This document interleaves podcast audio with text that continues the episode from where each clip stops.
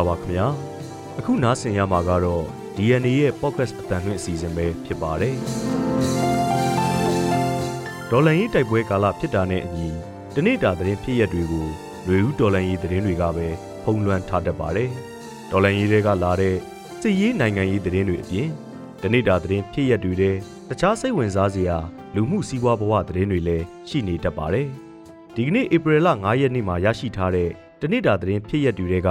သတင်းတချို့ကို DNA Podcast အတန်လွင့်အစီအစဉ်မှာဖော်ပြပေးလိုက်ပါတယ်။ဒီအစီအစဉ်ကိုတော့ကျွန်တော်မောင်သိန်းနဲ့အတူကျမနန်းခမ်းကစူစီတင်ဆက်ပေးသွားမှာပါ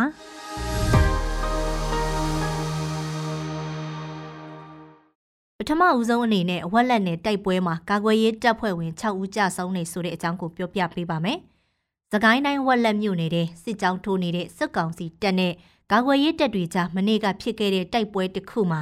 ကာကွယ်ရေးတပ်ဖွဲ့ဝင်6ဦးပိတ်မိပြီးတော့ကြာဆုံးခဲ့တယ်လို့ဝက်လက်အခြေစိုက်တော်လှန်ရေးအင်အားစုတွေကပြောပါတယ်။စစ်ကောင်စီစစ်ကြောင်းဟာဝက်လက်နယ်လှတော်ရွာမှာတပ်ဆွဲထားရာကမနေ့ကမနက်ပိုင်းမှာရွှေဘိုဘက်ထွက်လာချိန်တေဒကာကွယ်ရေးတပ်တွေကမိုင်းဆွဲတိုက်ခိုက်ခဲ့တဲ့အပြင်အပြန်အလှန်ထိတွေ့ပစ်ခတ်မှုတွေလည်းရှိခဲ့တယ်လို့သိရပါတယ်။ဝက်လက်မြို့နယ်စိုင်းတိုင်းတိုက်နယ်အတွင်းစစ်ကောင်စီစစ်ကြောင်းရောက်လာတဲ့အချိန် ကာကွယ်ရေးတပ်တွေဖက်ကလက်နက်ကြီးတပ်ဖွဲ့ဝင်တွေဟာစစ်ကြောင်းနဲ့ထိတ်တိုက်တိုးက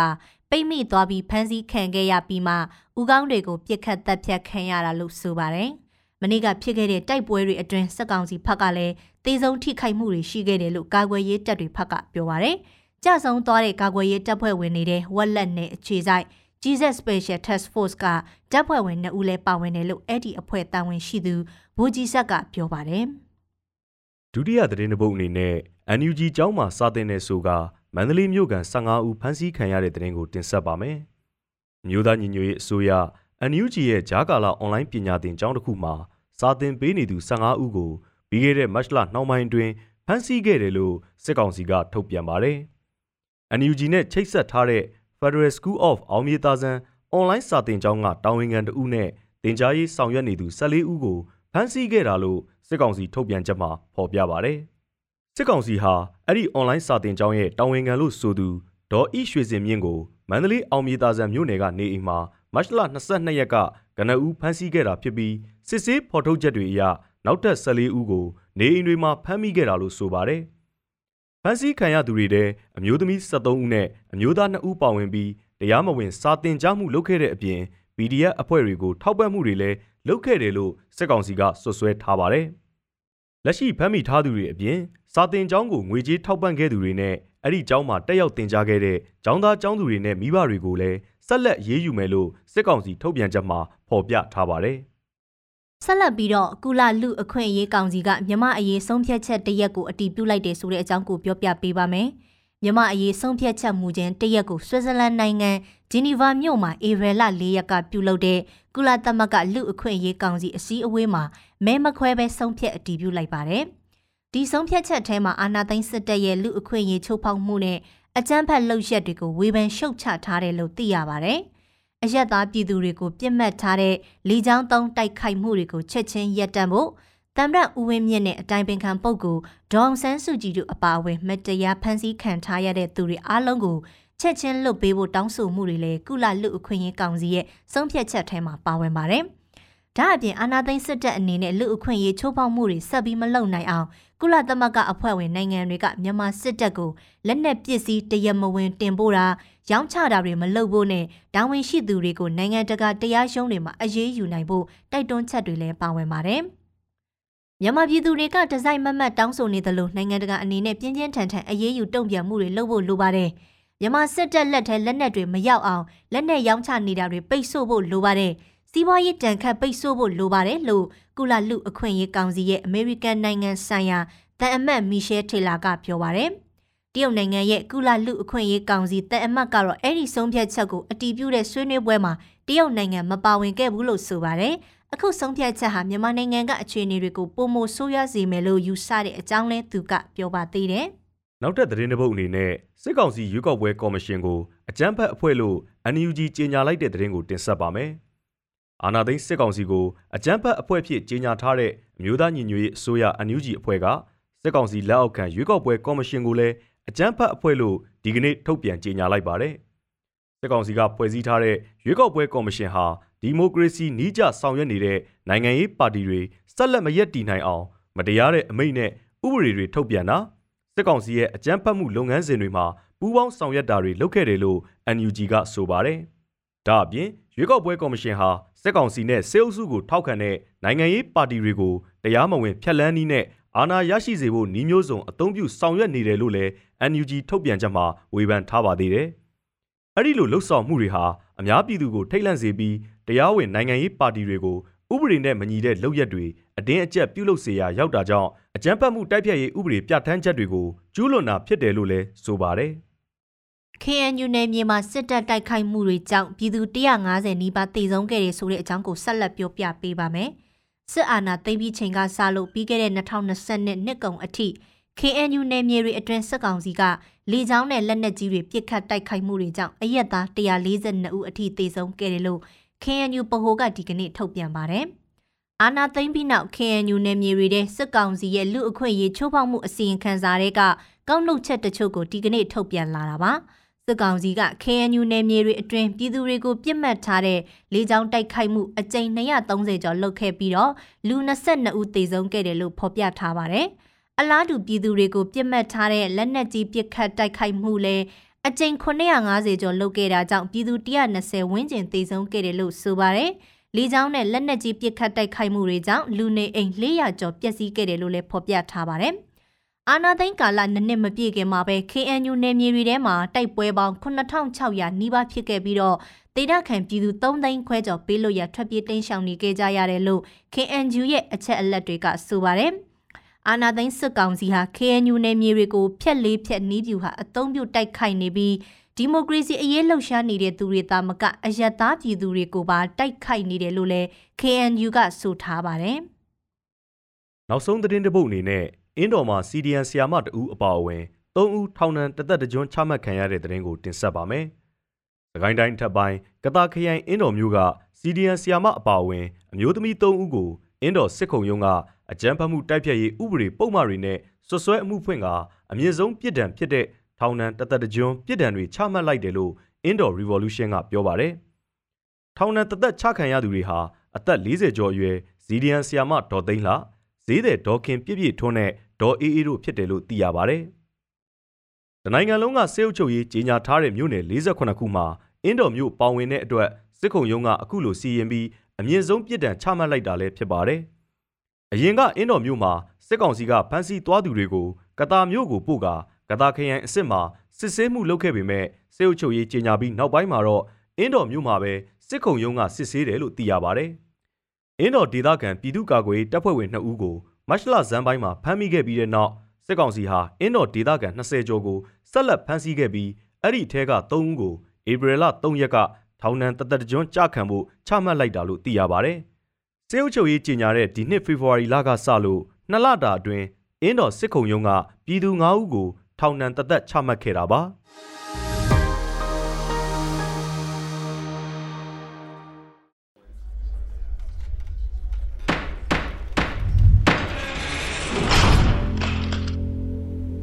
ဥပဒေဆိုတာငါတို့ကိုကာကွယ်ဖို့ရှိနေတာမလားကောင်းပြီဒီလိုပဲဖြစ်တ လက်ရှိအခြေအနေတွေမှာတင့်အခွင့်အရေးတွေကိုသိဖို့ကပိုအရေးကြီးလာပါပြီ။တင့်မှာမျှတတဲ့အများပြည်သူရှေ့ကြားနာခွင့်ကိုရပိုင်ခွင့်ရှိပါတယ်။အဲ့ဒါတွေကတော့တင့်လျော်သောအချိန်ကာလတစ်ခုတွင်တရက်ခွင့်ကျင်းပခြင်းအမိခိုကင်းပြီးတမတမတ်ကြသောဆုံးဖြတ်ချက်ချသူကသာကြားနာရခြင်းတက်ဆိုင်ရာအချက်လက်များကိုရယူခွင့်ရှိခြင်းအများသူငါရှေ့မောက်တွင်ဖြစ်ခြင်းလိုအပ်ပါကကိုယ်စလဲနဲ့စကပ်ပြန်ကိုတုံးခွင့်ပြုခြင်းအများပြည်သူရဲ့ဆုံးဖြတ်သုံးသက်ချက်ပါဝင်ခြင်းစတာတွေပဲဖြစ်ပါတယ်။ တရားရုံးဒါမှမဟုတ်ဆုံးဖြတ်ချက်ချတဲ့အာဏာပိုင်တွေကတင့်အတွက်ဆုံးဖြတ်ချက်ကိုဘလို့ချမှတ်ခဲ့တယ်ဆိုတာကိုတင့်အနေနဲ့ရှင်းပြရယူခွင့်ရှိပါတယ်။ပြစ်မှုနဲ့ဆွဲချက်တင်ခံရသူတိုင်းကိုဥပဒေနဲ့အညီအပြစ်ရှိကြောင်းတက်တည်မပြပြီးသည့်အပြစ်မရှိဘူးလို့မှတ်ယူရတယ်ဆိုတာကိုတင်သိပါသလား။ကြားမှဖြစ်ခြင်းအသက်လူမျိုးဒါမှမဟုတ်ပြုမှုပေါ်ခွဲခြားခြင်းမရှိပဲလူတိုင်းမှာဥပဒေရှေ့မှချွင်းချက်မရှိတန်းတူညီများစွာဆက်ဆံခွင့်ရှိတယ်ဆိုတာကိုတင်သိပါသလား။ ဒီအခွင့်အရေးတွေကိုအပြည်ပြည်ဆိုင်ရာလူအခွင့်အရေးကြေညာစာတမ်းကအာမခံပေးထားပါတယ်။တင့်အခွင့်အရေးတွေကိုသိရဖို့ဒါတွေကိုလေ့လာပါ။လူတိုင်းတရားမျှတမှုရရှိဖို့လက်တွဲလှုပ်ဆောင်ကြပါစို့။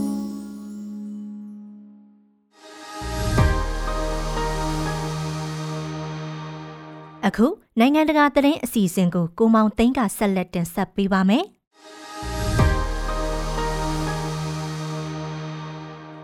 မြောက်ကိုရီးယားရဲ့ရေငုပ်သင်္ဘောတွေကိုရှာဖွေဖော်ထုတ်ဖျက်ဆီးတဲ့စစ်ရေးလေ့ကျင့်မှုတစ်ခုကိုတောင်ကိုရီးယားအမေရိကန်နဲ့ဂျပန်သုံးနိုင်ငံပူးပေါင်းလှုပ်ဆောင်ခဲ့ပါတယ်။အခုသတင်းပတ်အစောပိုင်းကစတင်တဲ့စစ်ရေးလေ့ကျင့်မှုဟာမြောက်ကိုရီးယားရဲ့ရေငုပ်သင်္ဘောအခြေစိုက်ပဲ့ထိန်ဒုံးကြီးနည်းပညာမြင့်တင်မှုတွေကိုတုံ့ပြန်တဲ့မဟာဗျူဟာအခင်းကျင်းတစ်ခုလို့လည်းယူဆနိုင်ပါတယ်။မကြာသေးခင်ကမြောက်ကိုရီးယားဟာစစ်မြေပြင်သုံးနျူကလ িয়ার ထိပ်ဖူးအမျိုးအစားတစ်ခုကိုထုတ်ဖော်ပြသလိုက်တဲ့နောက် အမေရိကန်နဲ့အာရှမဟာမိတ်တွေကြားစိုးရိမ်မှုတွေမြင့်တက်လာပါတယ်။အခုသုံးနိုင်ငံပူးပေါင်းစစ်ရေးလေ့ကျင့်မှုကိုတော့တောင်ကိုရီးယားနိုင်ငံတောင်ပိုင်းကဂျဲဂျူကျွန်းသားမှာပြုလုပ်ခဲ့ပြီးအမေရိကန်ရေတပ်ရဲ့နျူကလ িয়ার စွမ်းအင်သုံးလေယာဉ်တင်သင်္ဘောကြီး USS Nimitz ကဦးဆောင်ခဲ့ပါတယ်။ပြီးတော့တောင်ကိုရီးယားနဲ့ဂျပန်ရဲ့ဖျက်သင်္ဘောတွေကအမေရိကန်တိုက်ရေရင်အုပ်စုနဲ့ပူးပေါင်းလေ့ကျင့်ခဲ့တယ်လို့အာရှနှစ်နိုင်ငံရဲ့ကာကွယ်ရေးဝန်ကြီးဌာနတွေကထုတ်ပြန်ပါတယ်။စစ်ရေးလေ့ကျင့်မှုရဲ့ပင်မရည်ရွယ်ချက်ဟာ ရေအောက်ကနေထွက်ပေါ်လာနိုင်တဲ့လုံခြုံရေးဆိုင်ရာချင်းချောက်မှုတွေကိုတံပြန်ဟန်တာကာကွယ်နိုင်ဖို့ဖြစ်တယ်လို့လည်းဆိုပါတယ်။စစ်ရေးလေ့ကျင့်မှုမှာတောင်ကိုရီးယားနဲ့အမေရိကန်တို့ရဲ့ရေငုပ်သင်္ဘောတွေကရန်သူပြစ်မှတ်အဖြစ်လှုပ်ရှားခဲ့ကြပါတယ်။မြောက်ကိုရီးယားကရေငုပ်သင်္ဘောအခြေစိုက်ပဲ့ထိန်ဒုံးကြီးတွေပိုင်ဆိုင်လာခြင်းပေါ်အမေရိကန်နဲ့အရှေ့အာရှမဟာမိတ်တွေကကြီးမားတဲ့လုံခြုံရေးချင်းချောက်မှုတွေလို့ယူဆထားပါတယ်။မြောက်ကိုရီးယားဟာပြီးခဲ့တဲ့နှစ်ပိုင်းတွင်ဤပညာပိုင်းအရပုံမအစ်စ်မြင့်လာတဲ့ ပဲ့ထိန်ဒုံးတွေကိုရေငုပ်သင်္ဘောတွေကနေအခြေစိုက်ပစ်ခတ်လာနိုင်ခဲ့တယ်လို့နျူကလ িয়ার စွမ်းအင်သုံးရေငုပ်သင်္ဘောတစ်တစည်းကိုလည်းတိစောက်နေကြောင်းသိရပါတယ်။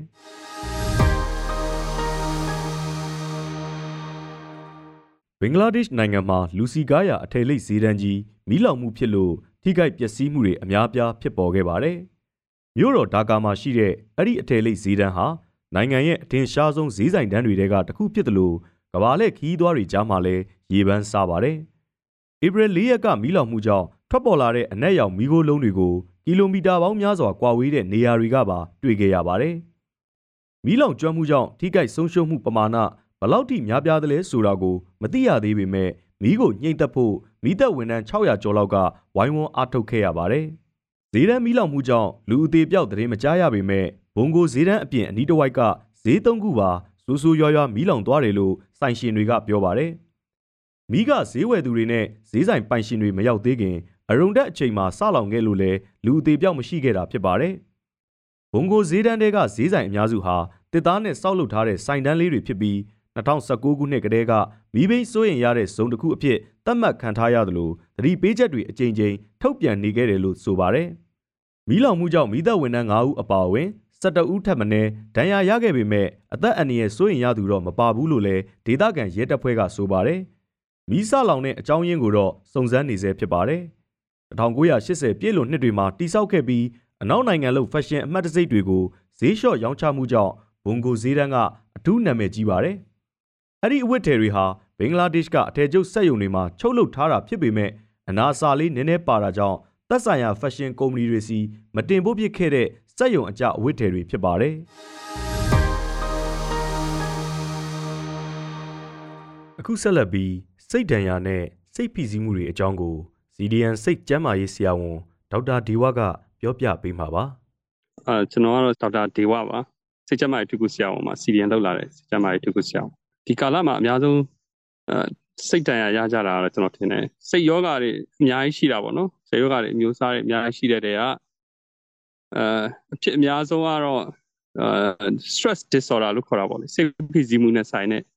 အဲယောဂတွေရယ်နောက်အဲအဲ့ဒီမှာ PTSD လို့ခေါ်တာနော်ဒိုင်ယာလွန်စစ်ဖိစီးမှုဝေနာပေါ့နော်ဒီမိမိရဲ့မိမိတော်၎င်းမိမိရဲ့မိသားစုတော်၎င်းမိမိရဲ့တငယ်ချင်းဒီလိုမျိုးအရန်ရှင်းနေတဲ့လူတော်၎င်းပေါ့နော်တရားရောက်ပျက်စီးဆုံးရှုံးရတာတွေတွေ့ကြုံရတဲ့အခါမျိုးတွေဒါမှမဟုတ်မိမိကိုယ်တိုင်နော် ကိုယ်နဲ့မျက်စိရှိမှတစုံတယောက်ပျက်စီးသွားတာကိုမျက်မြင်ဒိဋ္ဌတွေ့ရတဲ့အခါမျိုးတွေမှာလူတွေကစိတ်ဖိစီးမှုဝေနာခံစားအဲ့ဒီစိတ်ဖိစီးမှုဝေနာတွေအဲဒီကာလမှာတော့ဒီလိုစိတ်ဖိစီးမှုဝေနာတွေကအဖြစ်များလိမ့်မယ်လို့ကျွန်တော်တို့ယူဆပါအာစိတ်ဖိစီးမှုဖြစ်တဲ့ကိစ္စတွေကတော့ဟိုအများကြီးရှိတာပေါ့လေတကယ်ဟိုလောကထဲမှာတော့စီးပွားရေးလူမှုရေးနိုင်ငံရေးကိုတော့စိတ်ဖိစီးမှုဖြစ်စေတဲ့အကြောင်းတရားတွေပဲပေါ့နော် အဲကျွန်တော်တို့ဒီဘက်မှာကြွားတွေတချို့တိုက်ပွဲဖြစ်လို့ပြေးရတာတွေရှိတယ်ပေါ့နော်သူတို့တွေစိုက်ပျိုးထားတာတွေကိုမရိတ်သိမ်းနိုင်ဘဲနဲ့ကြီးရလွှားရတာရှိတယ်တောတွေတောင်တွေထဲမှာမိသားစုလိုက်ညအေးရတာမျိုးရှိတယ်အဲ့ခါကျတော့အဲစိတ်ချမ်းသာရေးနဲ့ပတ်သက်ပြီးတော့ပြောရရင်သူတို့တွေကဒီကတော့မလုံခြုံမှုပေါ့လေစိတ်မလုံခြုံမှုခံစားရတယ် အဲဒီမရေရာမှုပေါ့နောက်တစ်ခုကဒီဟာပဲချိန်ပြီးမလဲပေါ့သူတို့ပဲချိန်အိမ်ပြန်လို့ရမလဲဆိုတဲ့ဟာပေါ့နော်အများတန်းဒီအဲမရေရာမသေးချာမှုတွေကတော့အဲသူတို့အများဆုံးဖိစီးတဲ့အကြောင်းတရားတွေပေါ့နော်အဲ့တော့ဟို stress လို့ခေါ်လိုက်တာ ਨੇ ဆရာတို့ကကောင်းတဲ့ stress ရှိတယ်ဟိုအတိုင်းတာတစ်ခုတည်းကြော်သွားလို့ရှိရင်အဲ့ stress ကမကောင်းတော့ဘူးပေါ့နော်အဲ့တော့ stress ရှိမှလူကလှုပ်လှုပ်တယ်ဒါပေမဲ့ stress တွေအများများလာတယ်ဒီ stress ကို handle မလုပ်နိုင်ဘူးဆိုလို့ရှိရင် stress ကမိမိကိုအဲ ကျန်းမာရေးထိခိုက်လာအောင်နောက်ဆက်တွေပြေးလာပြီဆိုရင်တော့ဒါမကောင်းတဲ့ stress ဖြစ်သွားတာပေါ့နော်ဒီကာလမှာဘာတွေကဖြစ်လဲဆိုတော့တိုင်းပြည်ရဲ့နိုင်ငံရေးစီးပွားရေးစစ်ရေးပေါ့လေအကုန်လုံးကအဲဟိုကျွန်တော်တို့တိုင်းပြည်လုံးပြည်ကြီးနှိပ်စက်နေတဲ့အချိန်ဆိုတော့စီးပွားရေးမကောင်းတာတွေကလည်း stress တစ်ခုပဲကျွန်တော်သိတယ်အာနောက်နိုင်ငံရေးမတည်ငြိမ်တာတွေဒါတွေကလည်းကျွန်တော်တို့အတွက်စိတ်ဖိစီးမှုတွေဖြစ်စီမှာပဲအဲ့တော့လက်ရှိကာလမှာ တော်လှန်ရေးလုပ်နေကြတဲ့ကာလဆိုတော့တော်လှန်ရေးအဲဒီစစ်ရေးတွေပေါ့လေဒါတွေကလည်းစိတ်ဖိစီးမှုဖြစ်စေတဲ့အကြောင်းတရားတွေပဲပေါ့နော်အဲ့တော့လက်ရှိကျွန်တော်တို့မြင်တွေ့နေရတဲ့နိုင်ငံရေးစီးပွားရေးအခြေအနေတွေဒါတွေအားလုံးကအဲစိတ်ဖိစီးမှုဖြစ်စေတဲ့အကြောင်းတရားတွေပဲဘယ်လိုကင်တွယ်ရမလဲဆိုတာကကြတော့တယောက်နဲ့တယောက်ပုံမှာလူတယောက်ချင်းစီပေါ်တော့မူတည်တယ်အဲအဓိကကတော့မိမိကိုယ်တိုင်ကခံနိုင်ရရှိဖို့လဲလို့ဟုတ်နော်မိမိရဲ့ အဲအလွယ်ဆုံးခြုံပြောရရင်တော့မိမိရဲ့ဆိုင်ရာဘာသာတရားတွေရဲ့အဆုံးအမကိုလိုက်နာကျင့်သုံးမယ်မိမိစိတ်ဖိစီးမှုတွေခံရတဲ့အခါကုညီလိုအပ်လာတဲ့အခါနိဆက်ရာမိမိခင်မင်းရာနိဆက်ရာယုံကြည်ရတဲ့မိတ်ဆွေပေါင်းသင်းစီမှာရင်ဖွင့်မယ်သူတို့ရဲ့ကုညီတွေယူမယ်ဒီလိုမှစိတ်ဖိစီးမှုမကြော်လာနိုင်ဘူးဆိုရင်တော့ကျွမ်းကျင်တဲ့စိတ်ချမ်းသာရဲ့ဆရာဝန်တွေ အဲကုကုကန်းစိတ်ပညာရှင်တွေနဲ့တိုင်ပင်ပြီးတော့လိုအပ်တဲ့ကူညီတွေရယူတာတော့အကောင်းဆုံးပါပဲလူတယောက်စိတ်တက်တယ်ကြတယ်ဆိုတာပုံမှန်အားဖြင့်ပေါ့နော်ဆရာတို့တွေကိုနိုင်တောင်မှာပဲအဲကြုံတွေ့ရတဲ့အခြေအနေတစ်ခုပဲ normal normal experience တစ်ခုပဲပေါ့နော်ဒါလေးဆက်ကြတယ်စိတ်ပြက်စရာတွေနဲ့ကြုံရင်စိတ်တက်ကြတယ်အခါလေးအောင်မြင်မှုတွေရလာတဲ့အခါကျတော့စိတ်အားတွေတက်ကြွကြတယ်ဒါတွေကပုံမှန်အခြေအနေတွေ ပဲပေါ့နော်လူတိုင်းကကြုံတွေ့ရမှာအဲဒါပေမဲ့ဟိုပုံမှန်ဖြစ်တင်ဖြစ်ထိုက်တာတွေကြော်လွန်ပြီးတော့အချိန်ကာလအားဖြင့်တော့၎င်းဒီဝေဒနာအားဖြင့်တော့၎င်းပေါ့နော်ဝေဒနာကဖြစ်တင်ဖြစ်ထိုက်တာတဲ့ပိုပြီးပြင်းထန်တာမျိုးဖြစ်တင်ဖြစ်ထိုက်တဲ့အချိန်တဲ့ပိုပြီးတော့ကြာရှိနေတာမျိုးဆိုရင်တော့ဒါကဆရာကုသမှုတစ်ခုခုဒါမှမဟုတ်အကူအညီတစ်ခုခုကိုယူတဲ့အခြေအနေဖြစ်သွားတယ်ပေါ့နော်အဲ့တော့ဘလို့ထိမ့်သိမ့်နေလဲဆိုတာကတော့ ဟိုဆရာတို့ကစိတ်ဖိစီးမှုတွေကြုံလာတဲ့အခါအဲဟိုရင်ဆိုင်ဖြစ်ရှင်းတဲ့နည်းတွေအများကြီးရှိကြတယ်ဆိုတော့ရှင်းမှာဆရာပြောခဲ့လို့ပဲဘာသာတရားရဲ့အဆုံးအမတွေကလည်းဆရာတို့ရဲ့စိတ်ဖိစီးမှု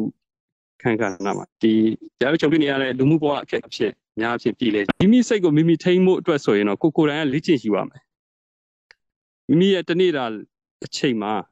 ကြုံတွေ့ရတဲ့အစင်မပြေမှုတွေနဲ့ပတ်သက်ပြီးတော့ဟိုတင့်တင့်လျှောက်ပတ်စွာပေါ့နှလုံးသွင်းတတ်ဖို့လိုတယ်ပေါ့နော်ဆရာကတော့ဗုဒ္ဓဘာသာဆိုတော့ဗုဒ္ဓဘာသာရဲ့အဲအဆုံးအမနဲ့ပြောပြောပြတာပေါ့နော်တင့်တင့်လျှောက်ပတ်စွာနှလုံးသွင်းနိုင်ရင်မိမိရဲ့စိတ်အတက်ကြောက်ထိန်းနိုင်တယ်နောက်ဟိုတရားတော်တွေနာမယ်ဒီတရားတော်တွေရဲ့ဆုံးမတဲ့အတိုင်းလိုက်နာခြင်းသုံးနိုင်မယ်ဆိုရင်မိမိရဲ့စိတ်အတက်ကြောက် အကောင်းဆုံးထိန်းနိုင်လိမ့်မယ်လို့ယူဆတယ်နော်ဒါတွေကတော့ဟိုဒီလိုစကားပြောရတာလွယ်ပေမဲ့အလေးကျင့်နေအများကြီးလိုပါတယ်လေ့ကျင့်နေအများကြီးလိုတယ်ကိုကိုယ်တိုင်နေ့စဉ်ကိုယ့်ရဲ့စိတ်ကိုသတိလေးနဲ့စောင့်ကြည့်ပြီးတော့အဲစ조사ကြည့်မှရရှိမှအဲအကျိုးကျေးဇူးရလာပေါ့နော်ချက်ချင်းလို့ချက်ချင်းခံစားရတဲ့ဟာမျိုးမဟုတ်ဘူးအလေးကျင့်လိုတယ်နေ့တိုင်းနေ့တိုင်းကိုယ့်ရဲ့တနေ့တာကိုယ့်ရဲ့လက်ရှိပြစ္ဆုတ်ပံတဲ့တဲ့မှာနေပြီးတော့ကိုယ့်ရဲ့လက်ရှိအခြေအနေကိုအမြဲတမ်းကြည့်နေမှဟာငါစိတ်တကြနေပြီ ဟာငါအရန်ပျော်နေပြီဒါမျိုးတတိလေးကတ်နေတာဟုတ်နော်အဲ့လိုတတိလေးကတ်နေလို့ရှိရင်အရန်ကြသွားတာတို့အရန်ကြီးစိတ်စိတ်လွတ်ကိုလွတ်ပျော်ရွှင်သွားတာတို့ကိုထိနိုင်တယ်အဲဆိုရင်ဟိုတတိလေးကတ်နေခြင်းအဖြစ်ကိုပဲဟိုစိတ်တက်ကြအောင်ထိမ့်ပြီးသားတော့ဖြစ်သွားတာဟုတ်လေ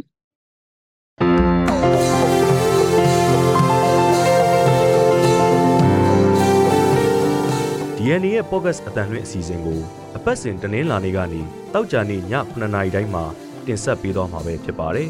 ။ဒီအစီအစဉ်ကိုတော့ DNA ရဲ့ Facebook Page ကနေအပြင် Anchor, Spotify နဲ့ Google Podcast တို့တွေကနေတဆင့်လဲနားဆင်နိုင်ပါတယ်ခင်ဗျာ။